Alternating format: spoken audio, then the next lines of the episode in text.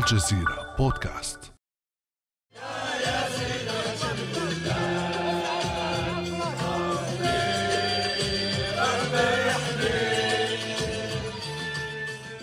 التفت الجماهير حول بعضها في حدث كروي عالمي تعلو فيه الهتافات ويتواصل فيه البشر من مختلف الشعوب والثقافات. لكن هناك من حول حرف المسار عن سياقه دول بعينها. تحدثت عن مواضيع خارج النسق كأحقية المنطقة العربية في استضافة كأس العالم أو الحديث عن المثلية الذي أثار ردة فعل كبيرة من الجمهور العربي وغير العربي أبنى عما وراء كرة القدم من ثقافة ومجتمع إنساني متنوع في طباعه ومنظوراته للأشياء والعلاقات. وبما أن المناسبة شرط والسياق حاكم وهو سياق عربي شرقي فإن المونديال بعث لنا بنماذج مقابلة تعكس ثقافة الشرق وأسلوب حياته لعل خير ما يمثلها صورة اللاعب الدولي أشرف حكيمي بعد انتهاء مباراة تأهل بلاده لدور الستة عشر وهو يقبل رأس والدته في لقطة رائعة تجسد مفهوم الأسرة. السلام أشرف حكيم على السيدة والدته وكيف؟ مع أكيد حقيقة حتى في إمضائه مع مع مع تشيلسي آه، كانت موجودة معه ونكتب على فأكيد قيم عدة تصدرت المونديال وروابط معنوية عربية وشعور بالمشترك الإنساني كلها أثبتت أن كأس العالم أكثر من مجرد لعبة كرة قدم. فكيف أحيا المونديال؟ حس الثقافة والروابط المعنوية والوجدانية لدينا من جديد وذكرنا بمصيرنا المشترك. وأي ثقافة تأتي بعد الرياضة وهل التعددية طارئة على مجتمعاتنا؟ وأي دور ثقافي وقيمي ظهر للألتراس الذي قاد الجماهير العربية في كأس العالم؟ نصحبكم مستمعين إلى ما هو أبعد من كرة القدم في حكاية جديدة من بودكاست الجزيرة بعد أمس. معي أنا أمل العريسي وضيفي الكاتب والباحث يحيى عالم من برلين. أهلا وسهلا بك أستاذ يحيى. أهلا وسهلا أستاذ أمال. شكرا على الاستضافة. وهنيئا قطر المنطقة العربية بهذه الاستضافة للتظاهرة العالمية. وهنيئا الوسائط الثقافية في نقاش. ما أثير على هامش الكرة. ونحن لن نذهب بعيدا كما قلنا في البداية عن الكرة لأن هذا الحدث هو في حد ذاته مزيج من الكثير من المعطيات الثقافية الرياضية المجتمعية وغيرها هذه هي المرة الأولى أستاذ يحيى التي يأتي فيها الناس من كل بقاع الأرض من مختلف الثقافات والأديان إلى أرض عربية فكيف سينعكس كل هذا على المنطقة العربية ثقافياً؟ حقيقة الانعكاسات ستكون متعددة وعلى أوجه مختلفة بخصوص تنظيم هذه التظاهرة العالمية في أرض عربية. أول انعكاس ننظر له على المستوى الدولي والعالمي بحيث لن يكون على الشرق نفسه وإنما على المستوى العالمي. ذلك أن السائد في المتخيل الغربي وكل الدول والشعوب الأخرى التي تنظر إلى هذا الشرق من مرآة الإعلام على أن هذا الشرق هو مصدر العنف والحروب والتطرف ويصدر الأزمات إلى العالم. والأحداث المتلاحقة حاولت أن تصيغ أو أن تقوم بصياغة رؤية ومنظور لهذا الشرق بأنه منطقة غير آمنة. يعني هذا المتخيل السائد على مستوى الشرق كان في يعني من الشرق إما أنه هذا الشرق الغرائبي كما قدم من خلال الاستشراق أو دعني أقول حتى لنا نعمم لأن يكون الاستشراق على منظور واحد بخصوص الشرق. هذا من عجيب القدر أن يكون الألمان لهم نظرة منصفة للشرق وحالة إعجاب أقصد عن الاستشراق ولكن الإثنولوجيون والدراسات الأخرى التي اهتمت بالشرق حاولت أن تقدم أن هذا الشرق في جانب غرائبي. قصدنا أن هذا البعد الأكاديمي الذي تم قبل استعمار دراسة الشرق في جانب منه قدمه بهذا المستوى مستوى من التخلف والجانب الغرائبي والعالم الآخر على هامش الحضارة والإنسان غير المنتج. ثم في المرحلة اللاحقة الآن مع ثورة الإعلام والثورة الإعلامية والتي أحدثت هذا التحول في الوعي وتحاول أن تتحكم في صياغة الوعي من جديد حول منظور الإنسان إلى الشرق. الشرق قدم على أنه صناعة التطرف بداء من التنظيمات المتطرفة وإلى غير ذلك يعني من الأحداث الحروب الوقائع. فكان هو مسرح كما إنجاز أن نقول يعني هو مسرح الحدث هذا الحدث بما فيه من أزمات وتطرفات وغير ذلك. الآن على المستوى العالمي يقدم الشرق على أنه ثقافة السلام ثقافة التعايش الفرجة الفنون وغير ذلك. هناك يعني تبين أو سيتبين إلى هذا الإنسان الذي ينظر من منظار الإعلام أو منظار هذه الدراسات غير المنصفة للشرق بجانب منها على أن هذا الشرق ليس في صورة كما قدم وإنما هناك شرق آخر الشرق الحقيقي هو شرق السلام وشرق التعايش والعلاقة مع الآخر. هذا مستوى في الانعكاس. في هذا السياق أستاذ يحيى يقول فيلسوف الحضارة مالك ابن نبي غير نفسك تغير التاريخ. كيف لحدث رياضي مثل كأس العالم أن يحقق كل هذا الانعكاس الذي تحدثت عنه؟ نعم مالك بن نبي رحمه الله أحد الأوجه المهجوسه بالثقافة وبسؤالك عن الثقافة يعني. إنها شرعة السماء غير نفسك تغير التاريخ. نعم هكذا في عبارة جميلة لمالك بن نبي وهنا سندخل إلى مفهوم الثقافة. يعني وكيف يغير وكيف يحدث ما حدث ينبغي علينا تحديد الثقافه ومستوياتها. التي ينعكس فيها الحدث على منحيين برأيي. اولا هو الثقافة بهذا المنظور الذي نظر له مالك بن نبي. غير نفسك تغير التاريخ. بحيث نظر واخذ الثقافة باعتبارها نظرية في السلوك يعني. فمفهوم. الثقافة يتحدد عند مالك بن نبي بهذا المنظور على أساس أنها نظرية في السلوك. هذا المنحى الأول يعني. ونحن إذا جردنا الدراسات التي اهتمت بمفهوم الثقافة فإن بن نبي عربيا هو الذي نحى هذا المنحى أي باعتبارها منحة السلوك والقيم الاجتماعية وليست ذات بعد نظري. تعتبر مشكلتنا في العمق مشكلة ثقافية. تهم أنماطا من السلوك التي تعبر عن التخلف وأن مدخل العلاج هو تلك الوثبة على المستوى الثقافي ومعها تتغير كل الأنساق السياسية والاجتماعية أي أن تغيير السلوك أو أن القيم بطابعها العملي والاجتماعي التي تهم البعد الاجتماعي. الإنسان أكيد يعطي مالك بن نبي في كتابه مشكلة الثقافة في هذا المنحى يعني أن المجتمع لما يتحول ثقافيا في بعد السلوك يكون فيه مثل الطبيب مثل الفلاح مثل عامل النظافة. لما يقف أمام اشاره المرور الجميع يحترم. هذا الذي نحتاج. يعني أن تكون القيم كنظام اجتماعي. وهذا الذي يمكن أن يحدث يعني الآن صار أن دولة عربية يوجد هذا النمط. يعني عربي وان العرب يمكن أن يلجوا هذا التحدي. دعيني أستاذ أمل أضيف الثقافة كذلك وانحو من غير منحى مالك بن نبي وحتى أجمع بين بن نبي وغيره يعني. الثقافة باعتبارها نظرية في المعرفة يعني أن ما يلفت له الانتباه أو يلتفت إليه مع هذا الحدث في المنحى الآخر للثقافة والثقافة باعتبارها نظرية في المعرفة والمقصود هنا الثقافة العالمة وما هو مكتوب من آداب وفلسفة وتراث يعبر عن النظام المعرفي الموجه للوعي. ولعل هذا المنحى هو منحه الجابري وكتابات أخرى في قراءته للتراث العربي والثقافة العالمة. ومجمل الذين كتبوا الذين اهتموا بالفكر العربي بالنهضة بسؤال النهضة يعني. ونحن في الفكر العربي المعاصر حدثت لنا هذه الأزمة. كيف ننهض؟ يعني فكان في مرحلة أولى مع محمد عبده وابن أبي الضياف عندكم يعني في تونس بن عاشور في مرحلة لاحقة. والفاسي في المغرب كانوا هذا يعبرون عن روح واحدة. يعني ثم لاحقا أتى هذا محمد عبد الجابري وغيرهم في مرحلة ثانية بعد الهزيمة. فوجهت كان السؤال والتوجه إلى الذات العالمة.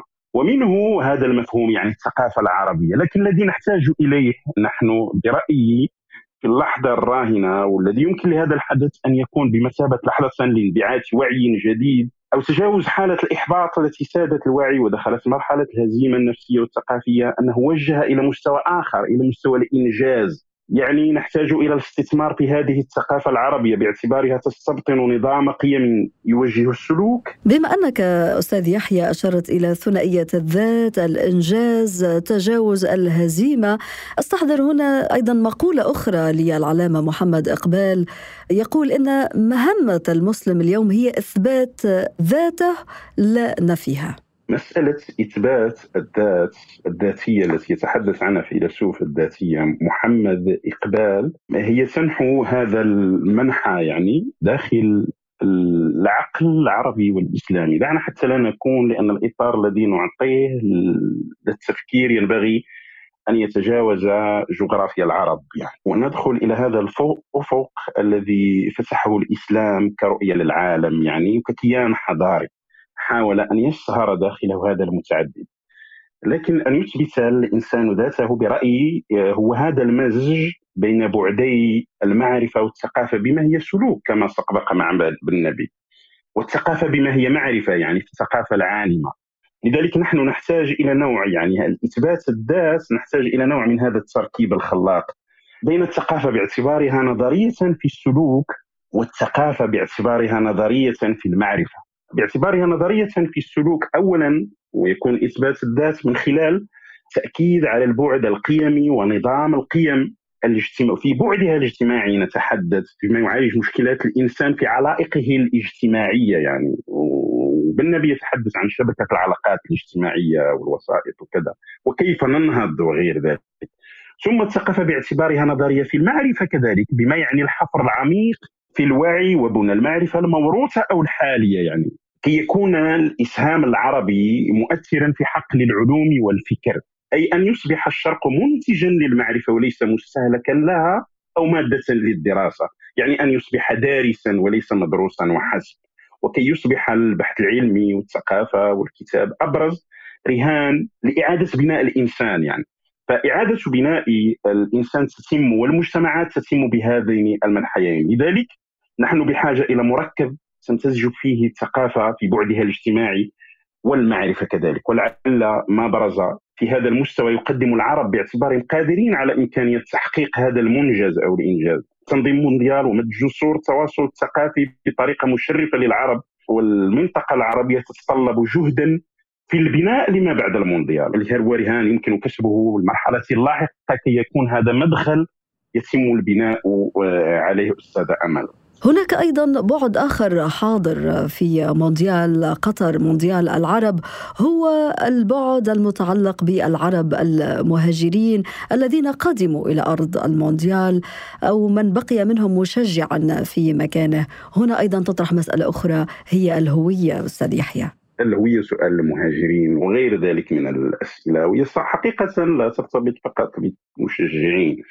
يعني سنعالجها في قيمتين اثنتين اولا هذا العرب الذين انتقلوا في معظم اصقاع الأرض. أو هذا الإنسان الشرقي الذي جاب الأرض طولا وعرضا وحيثما كان يبقى له هذا الانتماء إلى الشرق. ما الذي يدفع الإنسان؟ هل هذا الشرق به سعر كامن يحافظ أو يحفظ وجوده داخل كل إنسان؟ ثم المستوى الآخر هو مستوى الهوية أو اشكالات الهوية أو الهوية يعني. قد ظهر هذا على مستوى المستويين اثنين مستوى المهاجرين. اولا في اللاعبين ودعيني أذكر لك مثلا المنتخب المغربي فيه شريحة واسعة من اللاعبين الذين ولدوا في ديار الغرب أو من أبناء المهاجرين في مرحلة سابقا في أوروبا وغير ذلك. لكنهم أعادوا ارتباطهم بالمغرب من خلال الكرة وغير ذلك. وهذا طرح مسألة مسألة هوية هذا المكون حتى أن جريدة إسبانية قبل أربعة أيام كتبت عن المنتخب المغربي بأنه منتخب الأمم المتحدة يعني في نوع من للمغرب وغير ذلك. وهو يطرح من وجه آخر هو مسألة الهجرة في العلاقات توثيق العلاقات الإنسانية وفي مد الجسور بين الثقافات. ثم في الاسهام العربي الهجرة تؤكد لنا إسهام العرب والشرقيين والأفارقة في بناء دول أوروبية عديدة في مرحلة ما بعد الحرب العالمية الثانية. فكان المهاجرين هم سند وعضد وبناء.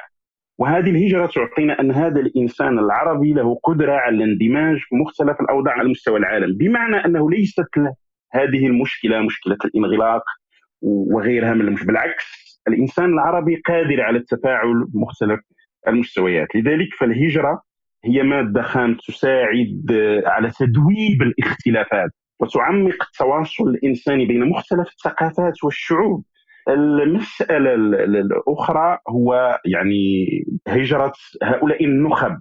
الحقيقة هذه سننظر فيها يعني أو هجرة الأدمغة وغير ذلك. العرب يساهمون كذلك والشرقيين والأفارقة في بناء هذا النموذج الحضاري الراهن. دعينا نسميه عولمة حداثة كذا نموذج أوروبي غربي وغير ذلك. لذلك العرب لهم هذا الإسهام بما يطرح ضرورة هذه التعددية والنظرة ليس النظرة إلى الإنسان في قوالب جاهزة وأن الابتكار هو ابتكار إنساني وأن الإبداع هو إبداع هو حالة إنسانية. يعني تجوب مختلف الأقطار والمجتمعات والشعوب. هذا النموذج الذي تحدثت عنه من المهاجرين العرب الذين تعايشوا وبنوا الجسور مع المجتمعات الأخرى، هذا لا يعني أن هناك انفصاما مع ونحن نتحدث عن الذات أستاذ يحيى، لا يعني أن هناك انفصاما مع الجذور، انفصام مع القيم وتقاليد المشهد الذي يعني تناقلته كل وسائل الإعلام العربية والأجنبية. أشرف حكيمي اللاعب المغربي الدولي وهو يقبل جبين والدته في المدرجات. يعني هذه قيم وهو الذي عاش مع الغرب وتطبع بطباعهم ولكن لم ينسى كل هذه القيم المتجذرة في مجتمعاتنا.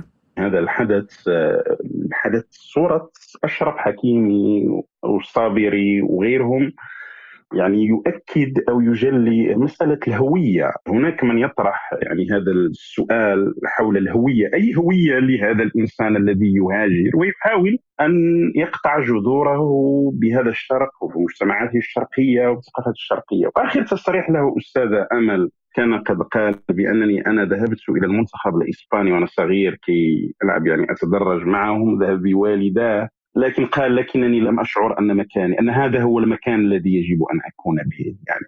فالهوية هي ليست جغرافيا وأرض وإنما هي انتماء وشعور. هذه المسألة الأولى يعني. ثم الهوية هي ليست قالب جاهز وأحادي وإنما الهوية. لذلك إذا نظرنا إلى مسألة الهوية ومن هنا ندخل أستاذة أمل إلى مسألة القيم الثقافية وما ترمي إليه الصورة. وهذه الصورة الرمز حقيقة. يعني هذه الصور وأهميتها. فالهوية يمتزج فيها يعني يتدخل فيها بعدان اثنان فيها جانب ثابت ما له علاقة بالقيم والرموز التي تعبر عن أصالة الإنسان فيها جانب متحول يعني. فالهوية ديناميكية بطبعها تتأثر تنفعل وقادرة ومرنة يعني. والإنسان له جوانب من الهويات متعددة يعني فيها ما هو أصل كل فيه ما هو جزئي. لذا وأنا أميل هنا إلى كتاب صراحة متميز في قراءة هذا الموضوع وامارتياس الهوية والعنف وكذلك يعني لو نظرنا إلى أمين معلوف في الهويات القاتلة. لكن امارتياس يحدد هذا الجانب وهو عانى في هذه المشكلة في الهندوراسيا يعني في مسألة الهوية وصراع الاثنيات ومسألة التعددية. لذلك الهوية باعتبارها مرنة فإنها تسمح أو تفتح هذا الأفق. أفق الامتزاج لكن تحافظ ويحافظ الإنسان من خلالها في الآن نفسه على الوصل بمجتمعه وبقيمه الاصليه التقليديه لكن السؤال يعني هو ودعيني استاذه أمل يعني هنا حتى أوضح هذه المسألة فإن الدفاع عن جمود الهوية هو نوع من التطرف يعني. الهويات حينما تنغلق تصير ندخل في حالة صدام يعني صدام الهويات. وصدام الهويات هو أخطر ما يمكن أن يعيشه الإنسان. هنا نقول أن هذا التقسيم الحاد الغرب كأنه كتلة واحدة والشرق كأنه كتلة واحدة هذه مشكلة يعني وأننا نصنع العالم كأنه قوالب. وجاءت كرة القدم وجاءت هذه التظاهرة الدولية الكبرى كأس العالم في دولة عربية للمرة الأولى في تاريخ هذا الحدث الكروي الضخم. الألتراس هي كلمة السر في كل ما تقوله في كل ما قلته أستاذ يحيى. في لما له من دور في إحياء هذه الحالة الثقافية العربية من خلال كرة القدم. نحن تحدثنا عن مشاهد داخل المدرجات أيضا هناك مشاهد خارج المدرجات في الفان زونز في الأماكن التي يرتادها كل الجماهير الذين جاءوا لاكتشاف هذا البلد الصغير كما قال الغرب الذي سيحتضن هذا الحدث المونديالي.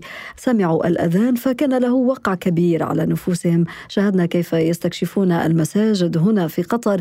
والكثير منهم أشهر إسلام هنا في قطر.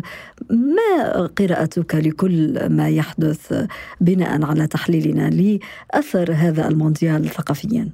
الانعكاس هو أن هذه أن الكرة أو البلد المستضيف كانت هذه من التهم يعني أن البلد المستضيف هو دولة صغيرة يعني. لكن من رمى الاتهام نسي أن البلد الصغير هو في حوض حضاري كبير يعني. نعم هو بلاد العرب والشرق بتكوينها الجغرافي والإثني والمذهبي والعقدي وغير ذلك.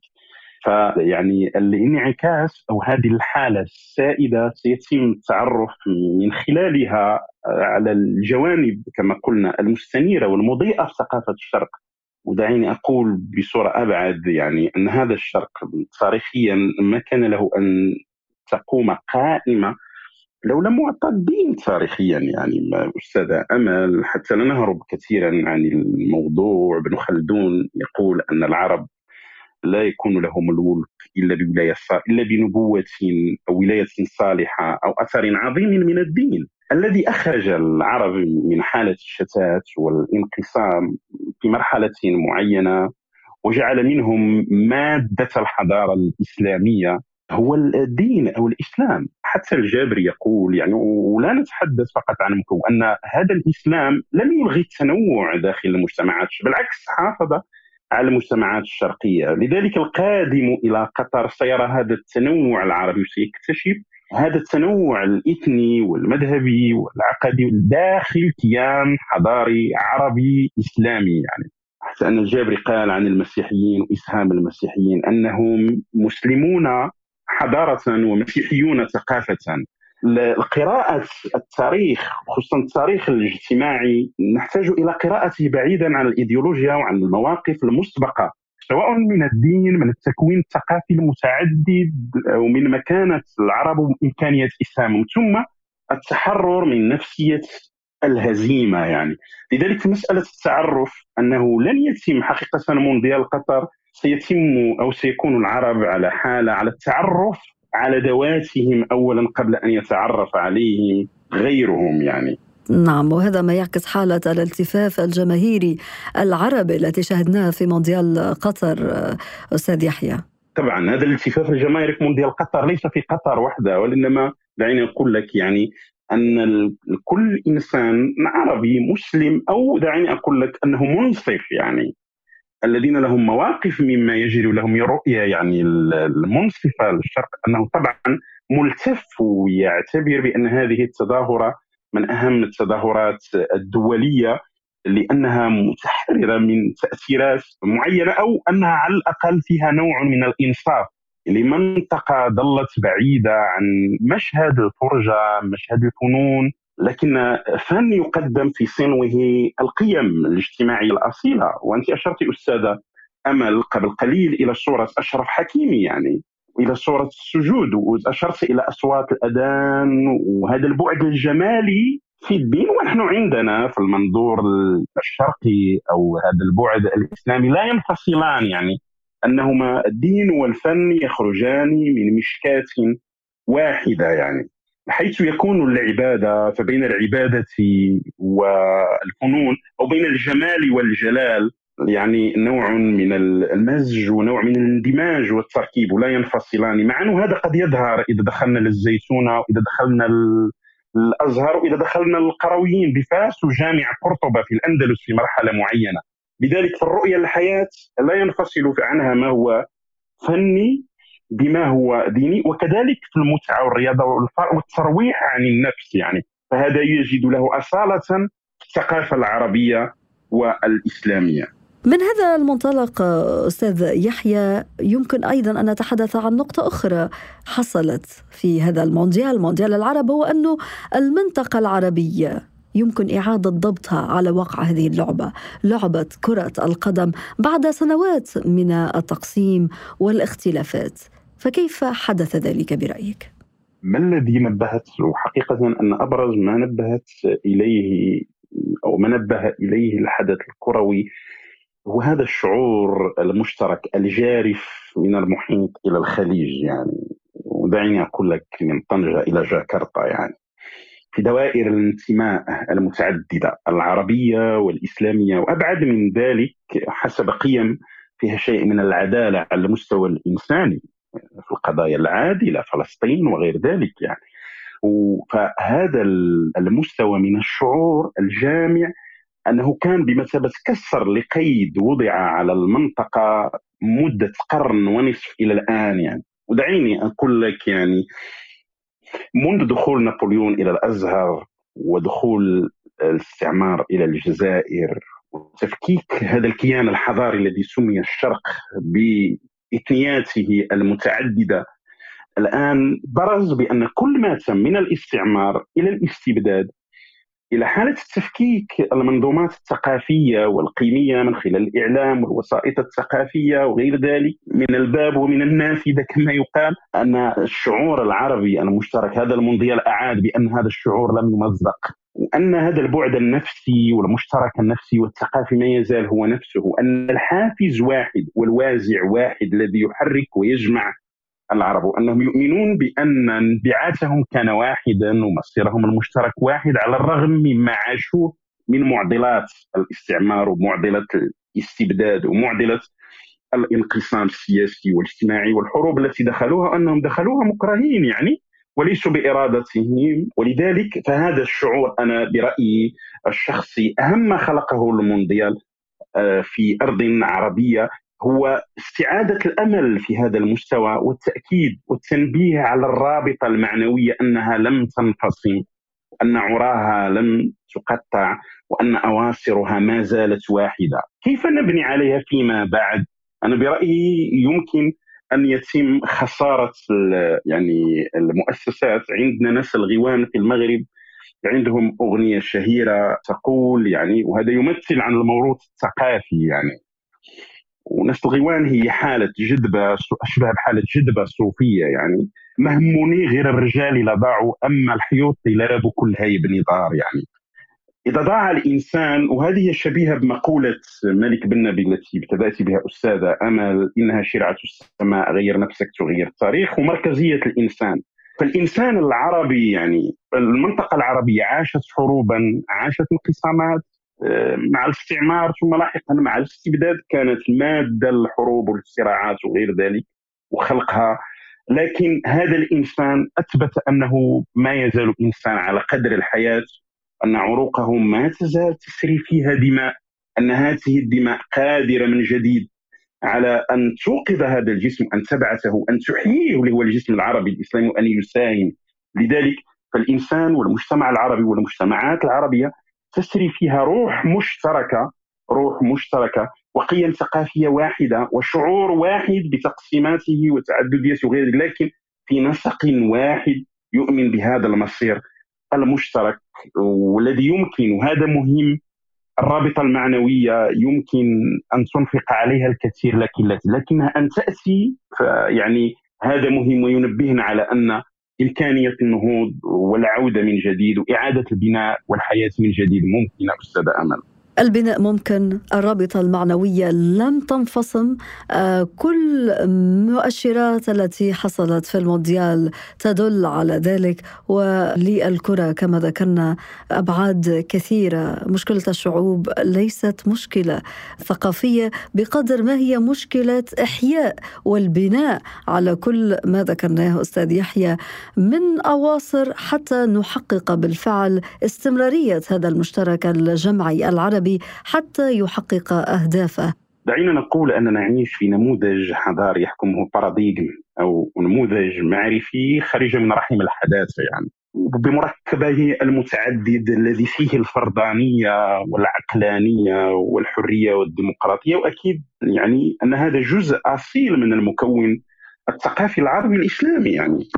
لكن العرب أن هذه المفاهيم الحديثة والمسلمين عموما أو المسلمون عموما يعني أن هذه المفاهيم الحديثة التي تعبر عن هذا المشترك الحضاري إسهامهم فيه سيكون من خلال قيمهم التقليدية. لذلك فالفردانية ودعيني أستاذة أمل أمثل يعني حتى في سياق المقارنات. فمفهوم الفردانية نفسه يحضر عندنا نحن مثلا مفهوم الآدمية أو الفرد هو موجود وأصيل يعني. السيل في الثقافة العربية الإسلامية. وما رأيناه من نقاش حول المثلية هو من هذا الصميم يعني. هذه حالة في اتجاه متطرف في مفهوم الفرد. مفهوم الفردانية ومفهوم يعني خرج مقطوع الجذور من جذوره الأخلاقية وفلسفته التي تراعي الإنسان يعني. فنظرت إلى الفرد ولم تنظر له جزء من المجموع. فهذا التطرف الفرد على حساب الجماعة ويخلق حالة مشكلة. القرآن خاطب الإنسان ولقد كرمنا بني آدم والآدمية حيثما حضرت في القرآن هي دلالة على التعمير يعني وحمل الأمانة. لكن مفهوم الفرد في تطوره الحالي فيه نوع من الأنانية يعني وهذا يظهر في الثقافة في الاقتصاد مع قيم السوق وغير ذلك. لذلك الخطاب القرآني والثقافة العربية والإسلامية تنظر إلى الفرد باعتباره عنصر بناء في علاقاته مع الآخرين. من هنا أستاذ أنا أشير إلى دلالة الصورة صورة العائلة. يعني وهذه القيم جزء من القيم التقليدية العربية. صورة حكيمي مع والدته وصابري مع والدته ممكن هذا يظهر في كل المنتخبات العربية لأن إحنا من نسيج واحد بقيم واحدة. تبرز قيم العائلة يعني والمفهوم الزوجية على حساب مفهوم الفرد. يعني خلقنا زوجين وغير ذلك حسب الخطاب. القرآني مفهوم الزوجية هو مفهوم أصيل في بناء الوجود. لذلك مفهوم الفردانية ثم العقلانية التي تقترن بالإيمان وبالإنجاز هو الذي يظهر في قطر مثلا. هذا الإبداع في الإنجاز مع صوت الآذان الذي يسلب الروح ويأخذها مأخذا آخر. ثم هذا البعد الأخلاقي كذلك الجانب الأخلاقي. لذلك فمهمة العرب وأنا هنا أذهب إلى حمد مهمة العرب والمسلمين في السياق الراهن هو أن يقدموا يعني ليس في صراع حضارات لا تكامل حضارات. من منطلق أيها الناس إن خلقناكم من ذكر وأنثى وجعلناكم شعوبا وقبائل لتعارفوا. إن أكرمكم عند الله أتقاكم. والتعارف لتعارفوا التعارف مفهوم يعني هو عملية مركبة يحضر فيها البعد النفسي والثقافي. وثم معيار التفاضل هو معيار قيمي يعني عادل يعني وليس معيار الجنس وكذا وغير. لذلك فالتعارف من هذا المستوى والقيم الثقافية العربية ستكون مادة النقاش على المستوى العربي سيكون على المستوى القيمي باعتبار ما يقدمونه كنموذج ثم كمادة للسياسات والبعد الاجتماعي باعتبار أن هذا الكيان يحتفظ على كنوز النهضة من جديد. حقيقة أستاذ يحيى رحلة في هذه الحلقة إلى ما أبعد من كرة القدم.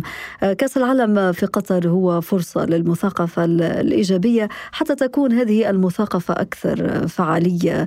هدفها بناء الجسور خلق نوع من التفاهم والتعارف على أسس فتح فرصة للفهم المتبادل وتعارف المتبادل وتعلم من الخبرات والإرث الثقافي والحضاري. للشعوب المختلفة دون أن يكون هناك فرض لنمط واحد على العالم كله. الأستاذ يحيى عالم الكاتب والباحث كنت معنا من برلين. شكرا جزيلا لك على هذه الحلقة المفيدة والممتعة بمناسبة تنظيم الحدث الأضخم في العالم للمرة الأولى في أرض عربية أرض قطر. شكرا أستاذة أمل على الاستضافة وشكرا لبودكاست الجزيرة. وحقيقة أبعد من الكرة هي الثقافة أو ما بعد الكرة تأتي الثقافة. وفي قلب الثقافة يوجد الإنسان وهذا المونديال عاد النظر إلى الإنسان إلى جانب الثقافة وعلى هامش الكرة. أنه من خلال الرموز الثقافية وما يحتفظ به الشرق فإن الكرة كانت أبعد وهي قادرة على إعادة بناء أو على الأقل توجيه الوعي إلى هذا المستوى من الوعي من جديد لتأتي الوسائط الأخرى في بناء الإنسان من إعلام ومدرسة ومجتمع. وعلى المستوى السياسي المواطنة على المستوى العربي لتكون مرحلة البناء ممتدة إلى فرجة توجهنا إلى الإنسان وإلى ما يحتفظ به الشرق من ثقافة وقيم يساهم في مجموع الحضارة الإنسانية. شكرا لكم أستاذة أمل والسلام عليكم.